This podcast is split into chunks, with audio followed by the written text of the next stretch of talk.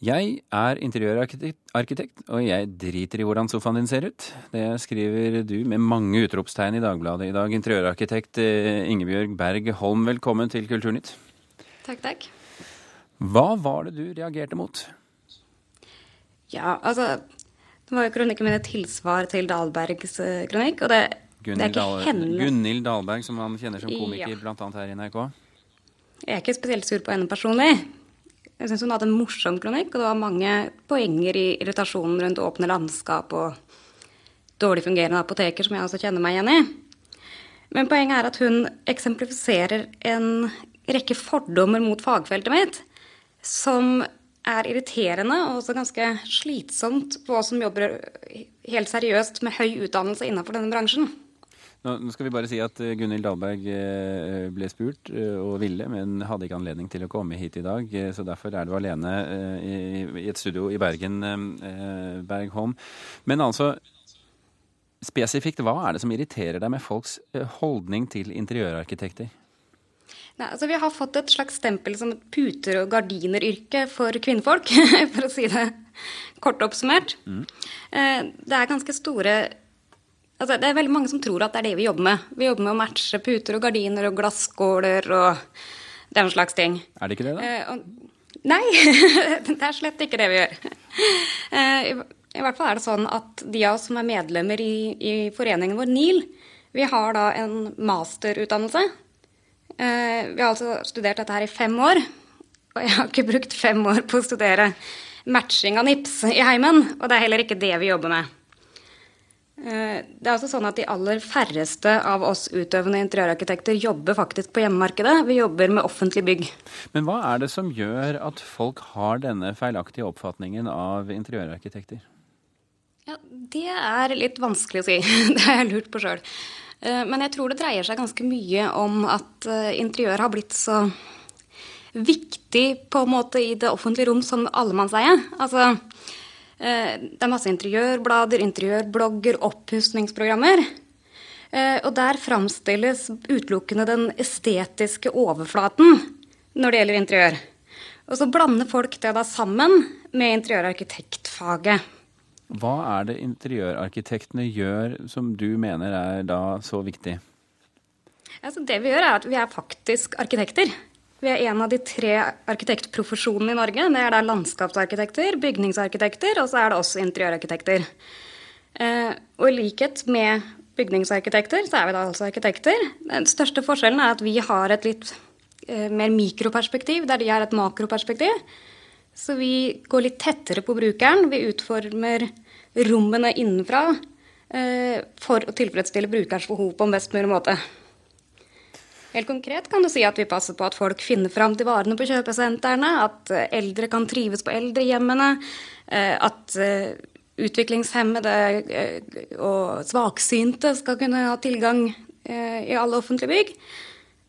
Det er bare noe av det vi jobber med.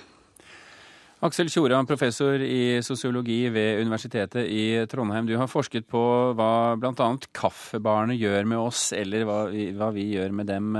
Hvilken symboleffekt ligger i begrep som caffè latte og interiør i dag? Nei, vi kommer jo inn på flere elementer her, men det som, det som eh, mye av det handler om, og også de her, la oss si, konnotasjonene, da, koblingene til caffè latte og de her fargene og, som, som kommer frem i de innleggene, hva det representerer, er det her, håper å si, litt urbane, trendy. Eh, Men at det har også noe med eh, identitet og identifikasjon å gjøre her. Men, men skjønner du at uh, Holm blir irritert over eh, hva skal jeg si, folks oppfatning av interiørarkitektyrket? Jeg, jeg skjønner det veldig godt, uh, og jeg syns at du har mange gode poenger. Nå er det vel sånn at innlegget til Gunhild Dahlberg er et på en måte litt sånn konisk, komisk innspill litt sånn fra sidelinja, men, men jeg syns på en måte at interiørarkitektene får ufortjent mye pes der.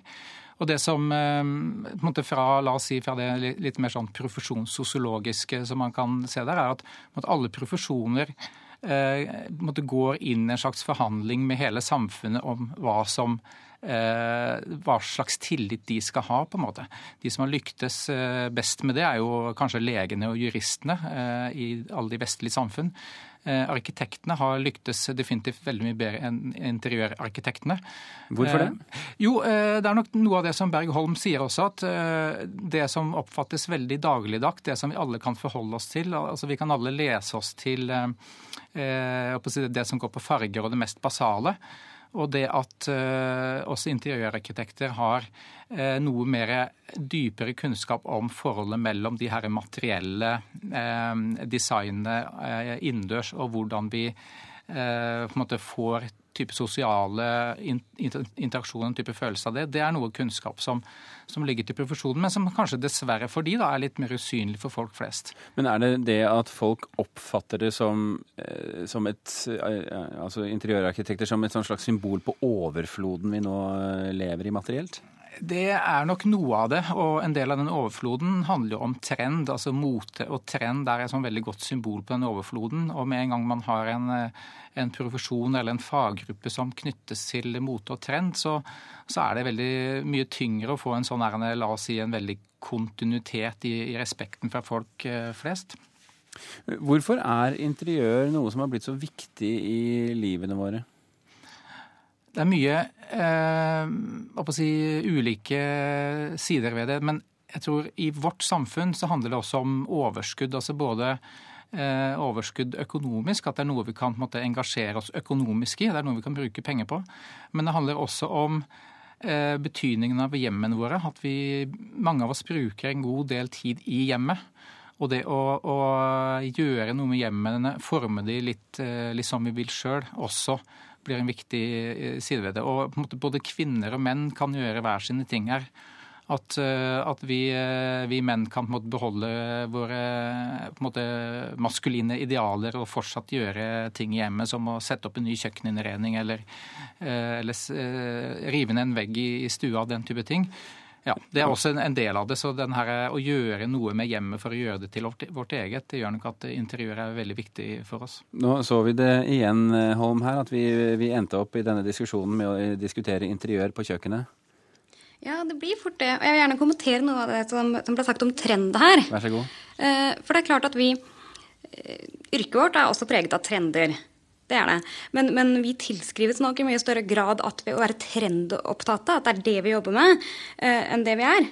Uh, det er jo ikke unikt for vårt yrke at det finnes trender innenfor det. Det gjelder f.eks. For, for bygningsarkitekter, det gjelder innenfor akademia, det gjelder innenfor veldig mange områder.